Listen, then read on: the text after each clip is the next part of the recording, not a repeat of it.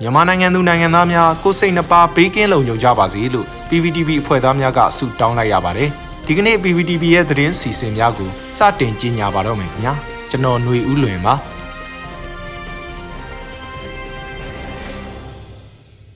အခုပထမဆုံးအနေနဲ့အမျိုးသားညီညွတ်ရေးအစိုးရပုံမှန်အစည်းအဝေးဆက်ခွန်မြင်းဆောင်2021ကိုကျင်းပပြုလုပ်ခဲ့တဲ့သတင်းကိုတင်ဆက်ပေးမှာဖြစ်ပါတယ်။ ဒီကနေ့ဩဂုတ်လ3ရက်နေ့မှာအမျိုးသားညီညွတ်ရေးအစိုးရအဖွဲ့ပုံမှန်အစည်းအဝေးဆက်ခွန်မြင်းဆောင်2021ကိုကျင်းပပြုလုပ်ခဲ့တာဖြစ်ပြီးယာယီတမရဒူဝါလည်းရှိလားပြည်ထောင်စုဝန်ကြီးချုပ်မန်းဝင်းခိုင်တန်းနဲ့ပြည်ထောင်စုဝန်ကြီးများဒုဝန်ကြီးများတက်ရောက်ခဲ့ကြပါတယ်။အစည်းအဝေးမှာယာယီတမရနဲ့ပြည်ထောင်စုဝန်ကြီးချုပ်တို့ကအမှားစကားများအသီးသီးပြောကြားကြရာ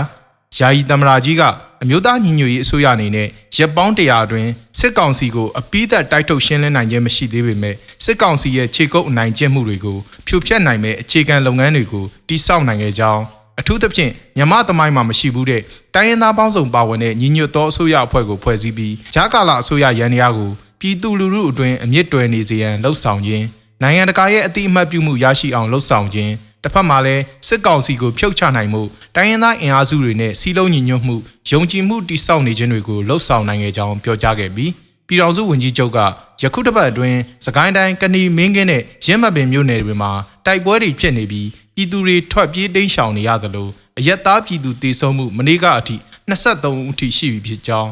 အပြစ်မဲ့ပြည်သူတွေတေဆုံးရတဲ့အတွက်အလွန်စိတ်ထိခိုက်ရကြောင်းတော်လန်ရေးကတရက်ကြံ့ကြာလေးလေးပြည်သူများအသက်တွေဆုံးရှုံးနေရလေးလေးဖြစ်တာကြောင့် NUG အစိုးရရဲ့တော်လန်ရေးမဟာဗျူဟာများစစ်ရေးမဟာဗျူဟာများကိုအမြန်အသက်ဝင်အောင်လှုပ်ဆောင်ကြရတော့မည်အချိန်ရောက်နေပြီလို့ပြောလိုကြောင်းပြည်သူတွေကဒီဒေးကိုမျှော်လင့်နေကြကြောင်းဒါပေမဲ့တနိုင်ငံလုံးအတိုင်းအတာအနေနဲ့ပြောရရင်ဒီဒေးဆိုတာရက်တရက်သီးသန့်သတ်မှတ်တယ်ဆိုတာထက်တော်လန်ရေးဖြစ်စဉ်ကြီးတစ်ခုလုံးဖြစ်ကြောင်းဒါကြောင့်မြို့နယ်တစ်ခုချင်းစီမှာမြေပြင်အခြေအနေလိုက်လိုအပ်လာမယ့်သက်ဆိုင်ရာကဏ္ဍတွေကို ဝန်ကြီးဌာနများအချင်းချင်းချိတ်ဆက်ပြီးအစီအမံများဆောင်ရွက်ထားဖို့ဝန်ကြီးတွေကိုတိုက်တွန်းလိုကြောင်းလာမယ့်ဩဂုတ်လ10ရက်နေ့ဆိုရင်ဒီမိုကရေစီရေးအတွက်ပြည်သူတွေတိုက်ပွဲဝင်ခဲ့ကြတဲ့ရှစ်လေးလုံးရေးတော်ပုံကြီးရဲ့33နှစ်မြောက်နှစ်ပတ်လည်နေ့ဖြစ်ကြောင်း1988ကာလရှစ်လေးလုံးရေးတော်ပုံကစလို့2021ကာလနှစ်ငါးလုံးရေးတော်ပုံအထိပြည်သူလူထုဟာစစ်အာဏာရှင်ကိုမလိုလားပဲ ဒီမိုကရေစီစနစ်ကိုသာလိုလားတယ်ဆိုတဲ့စိတ်ကိုဒီဇိုင်းမတ်မတ်ပြသလာကြတာဟာအခုဒီချိန်မှာတော့စစ်အာဏာရှင်စနစ်ကိုအမြင့်ဖြတ်အပြည့်သက်ချိန်မုံသွားကြဖို့တိုက်တွန်းကြောင်းပြောကြားခဲ့ပါတယ်။ဆက်လက်ပြီးဝန်ကြီးဌာနတွေကသက်ဆိုင်ရာကဏ္ဍအလိုက်တင်ပြကြရာနိုင်ငံခြားရေးဝန်ကြီးဌာနက NUCC အတွင်းဖြစ်ပေါ်တိုးတက်မှုတွေကျန်းမာရေးဝန်ကြီးဌာနက COVID-19 အတွက်လက်ရှိဆောင်ရွက်ချက်တွေအလုံသမားဝန်ကြီးဌာနကဂျာကာလာလူမှုဖူလုံရေးစေကုသရေးနဲ့ထောက်ပံ့မှုများစီစဉ်နိုင်ရေးကိစ္စတွေအ မျိုးသမီးလူငယ်နဲ့ကလေးသူငယ်ရေးရာဝန်ကြီးဌာနကအစ်စိန်ထောင်တွင်ဆန္ဒပြမှုနောက်ဆက်တွဲအခြေအနေတွေတရားရေးဝန်ကြီးဌာနကဝန်ကြီးဌာနရဲ့မူဝါဒတင်ပြမှုတွေဆောင်ရွက်ခဲ့ကြပြီးနေ့လယ်12နာရီမိနစ်30မှာအစည်းအဝေးကိုရုပ်သိမ်းခဲ့တယ်လို့သိရပါတယ်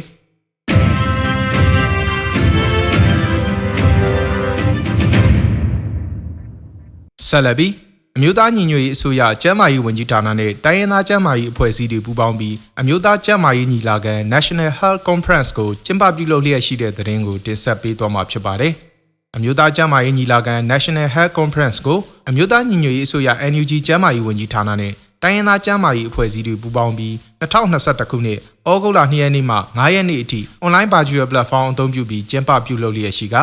ညီလာခံပြုလုပ်ရခြင်းရဲ့ရည်ရွယ်ချက်တွေကိုတော့1 အနာဂတ်ဖက်ဒရယ်ပြည်ထောင်စုအမျိုးသားကျန်းမာရေးမူဝါဒမူကြမ်းတရက်ရေးဆွဲအကောင့်ထဲပေါ်ဆောင်ရွက်ရန်နှစ်တိုင်းရင်းသားကျန်းမာရေးအဖွဲ့အစည်းများအမျိုးသားညီညွတ်ရေးအစိုးရကျန်းမာရေးဝန်ကြီးဌာနနဲ့နိုင်ငံတကာအလူရှင်များပြည်တွင်းပြည်ပကျန်းမာရေးအဖွဲ့အစည်းများအကြားပူးပေါင်းဆောင်ရွက်မှုပုံမအားကောင်းလာစေရန်၃လက်ရှိဖြစ်ပွားနေသော COVID-19 ကပ်ရောဂါဆိုးကြီးကိုစနစ်တကျပူးပေါင်းဆောင်ရွက်ပြီးစီမံချက်ချမှတ်တုံ့ပြန်ဆောင်ရွက်ရန်၄ Universal Health Coverage ကိုပိုထိရောက်စွာအကောင့်ထဲပေါ်ဆောင်ရွက်ရန်တို့ဖြစ်တယ်လို့သိရပါတယ်။ ညီလာခံဖွင့်ပွဲကို2ရက်8လ2021ရက်နေ့နေ့လယ်12နာရီအချိန်ကကျင်းပပြုလုပ်ခဲ့ရာ moderator အဖြစ်ပရိုမန်မန်ကဆောင်ရွက်ပြီး BMA chairperson ဒေါက်တာစင်တီယာမောင် KNPB vice chairperson ခူးရယ်နဲ့အမျိုးသားညီညွတ်ရေးအစိုးရပညာရေးနဲ့ကျန်းမာရေးဝန်ကြီးဌာနပြည်ထောင်စုဝန်ကြီးဗမောခဒေါက်တာဇော်ဝေဆိုးတို့ကအဖွင့်မှာစကားအသီးသီးပြောကြားခဲ့ကြပါတယ်။ အဲ့ဒီနောက်မှာတော့ပညာရှင်အသီးသီးကကျန်းမာရေးနဲ့လူခွင့်ရေးဆိုင်ရာဖက်ဒရယ်ကျန်းမာရေးဆိုင်ရာမူဝါဒတွေကိုတင်ပြဆွေးနွေးခဲ့ပြီးညီလာခံပထမနေ့ကိုညနေ၄နာရီအချိန်မှာပိတ်သိမ်းခဲ့ပါတယ်။ညီလာခံကိုမြို့သားညီညွတ်ရေးအစိုးရကျန်းမာရေးဝန်ကြီးဌာနနဲ့တခြားသောဝန်ကြီးဌာနအသီးသီးကတာဝန်ရှိသူတွေတိုင်းရင်းသားကျန်းမာရေးအဖွဲ့အစည်းတာဝန်ရှိသူတွေပြည်တွင်းပြည်ပကျန်းမာရေးအဖွဲ့အစည်းတာဝန်ရှိသူတွေ ပြည်တွင်းပြည်ပဆေးပညာရှင်တွေနဲ့ဆေးနည်းနယ်ကျောင်းသားအဖွဲ့အစည်းတွေကတာဝန်ခံကျောင်းသားကျောင်းသူတွေတက်ရောက်ဆွေးနွေးခဲ့ကြတာဖြစ်ပြီးညီလာခံကိုဩဂုတ်လ9ရက်နေ့အထိဆက်လက်ကျင်းပသွားမှာဖြစ်တယ်လို့သိရပါတယ်။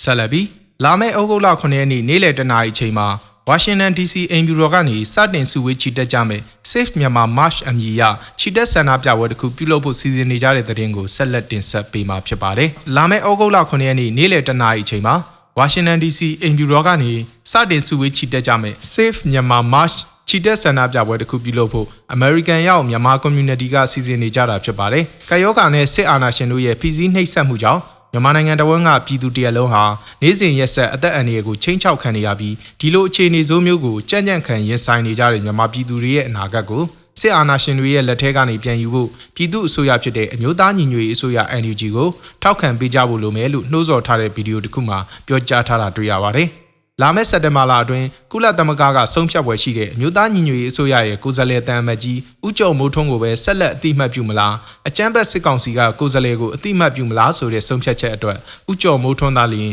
မြန်မာပြည်သူတွေကိုကိုစားပြုသူဖြစ်ကြောင်းကိုအဆိုပါနေ့မှာချီတက်ဆန္ဒပြကြမယ်လို့လည်းပြောကြားထားတာတွေ့ရပါတယ်ပြည်တွင်းပြည်ပမှာရှိနေကြတဲ့မြန်မာနိုင်ငံသူနိုင်ငံသားအလုံးဟာတသဘောတည်းညီညီညွတ်ညွတ်ရှိနေကြောင်းကဘာကိုပြသဖို့ဩဂုတ်လ9ရက်နေ့နေ့လယ်တနာရီမှာအင်ဂျူတော်ရှိစုဝေးချီတက်ကြဖို့ တိုက်တွန်းနှိုးဆော်ထားတာဖြစ်ပါတယ်။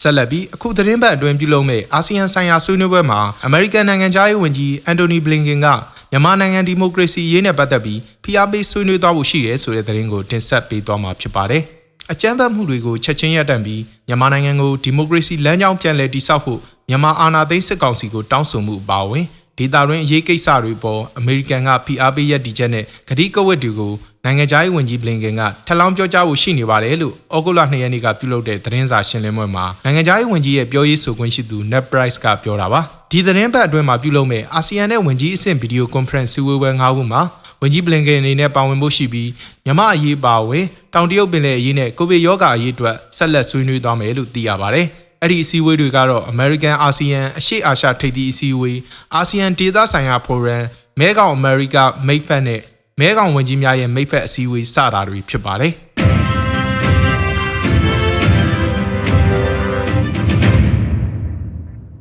အခုနောက်ဆုံးအနေနဲ့ပြည်သူတွေကိုနှီးမျိုးစုံနဲ့နှိပ်စက်နေတဲ့စစ်ကောင်စီကိုပြင်းထန်စွာခုခံတိုက်ခိုက်မယ်လို့ KNDF ကထုတ်ပြန်လိုက်တဲ့သတင်းကိုတင်ဆက်ပေးမှာဖြစ်ပါတယ်။ အကြမ်းဖက်စစ်ကောင်စီရဲ့ထိုးစစ်ဆင်မှုတွေနဲ့ရည်ရွယ်ချက်ရှိရှိ COVID-19 ရောဂါကူးစက်ပြန့်ပွားစေမှုတွေအပေါ်ပြင်းထန်စွာကန့်ကွက်ရှုတ်ချတယ်လို့ကရင်နီအမျိုးသားကာကွယ်ရေးတပ်ဖွဲ့ KNDF ကထုတ်ပြန်လိုက်ပါတယ်။တနိုင်ငံလုံးအတိုင်းအတာကူးစက်ပြန့်ပွားနေတဲ့ COVID-19 ကပ်ရောဂါကိုပုံမှုမပြန့်ပွားအောင်ကာကွယ်တားဆီးရမှာဖြစ်ပေမဲ့စစ်ကောင်စီကလွိုင်ကော်မြို့အတွင်းကပြည်သူတွေတိစောက်ထားတဲ့ COVID-19 စစ်ဆေးရေးဂိတ်တွေကိုအတင်းတမဖြုတ်ချစေခဲ့တယ်လို့ ဖော်ပြထားပါတယ်ဒီလောက်ရဟာကိုဗစ်ရောဂါကူးစက်ပြန့်ပွားရေးအတွက်ရည်ရွယ်ချက်ရှိရှိလှုံ့ဆော်နေရဖြစ်တယ်လို့ KNDF ကဆိုပါတယ်ဒါအပြင် KND ဒေတာကိုထိုးစစ်ဆင်မှုတွေလုပ်နေတဲ့အကြမ်းဖက်စစ်ကောင်စီကို KND အမျိုးသားတိုးတက်ရေးပါတီ KNPPK နဲ့အတူပေါင်းပြီးပြင်းထန်စွာခုခံတိုက်ခိုက်သွားမယ်လို့လည်းထုတ်ပြန်ခဲ့ပါတယ်။ ပြည်သူတွေကိုနှီးမျိုးစုံနဲ့ညှဉ်းပန်းနှိပ်စက်နေတဲ့အကြမ်းဖက်စစ်ကောင်စီအနေနဲ့ဩဂုတ်လကနေအောက်တိုဘာလအထိပြစ်ခတ်ရက်စဲမယ်လို့ကြေညာထားပေမဲ့လက်တွေ့မှာကြေညာချက်နဲ့ဆန့်ကျင်ပြီး KNY ပြည်နယ်အတွင်းမှာရှိတဲ့လွိုင်ကော်ဒီမော့ဆိုဖာဆောင်းမြို့နယ်တွေမှာစစ်စင်ရေးတွေလှုပ်ဆောင်နေတယ်လို့ KNDF ကဆိုပါတယ် KNDF ဟာပြီးခဲ့တဲ့ဇူလိုင်လကလည်း KNPP တပ်နဲ့အတူပေါင်းပြီးစစ်ကောင်စီရဲ့ထိုးစစ်ကိုခုခံတိုက်ခိုက်ခဲ့ပါတယ်။ ဘောလခဲနဲ့လွိုက်ကော်မြို့တိုက်ပွဲတွေမှာ KNPP KNDF ပူးပေါင်းအဖွဲ့ရဲ့မိုင်းဆွဲတိုက်ခိုက်မှုကြားပြတိုက်ခိုက်မှုတွေကြောင့်စစ်ကောင်စီတပ်ဖွဲ့တွေတေဆုံးထိခိုက်မှုတွေရှိခဲ့ပါတယ်။ KNDF ဟာစစ်အာဏာရှင်စန့်ကျင်ရေးပြည်သူလူထုတွေအပေါ်စစ်ကောင်စီကအကြမ်းဖက်ပစ်ခတ်တပ်ဖြတ်တာတွေလှုပ်ဆောင်ခြင်းကြောင့်လက်နက်ဆွဲကင်တော်လန်ခုခံမှုဖွဲ့စည်းထားတဲ့ဒေသကာကွယ်ရေးတပ်ဖွဲ့တွေကတပ်ဖွဲ့တစ်ခုဖြစ်ပါတယ်။ရေတော်ဘုံအောင်ရမည်ရေတော်ဘုံအောင်ရမည်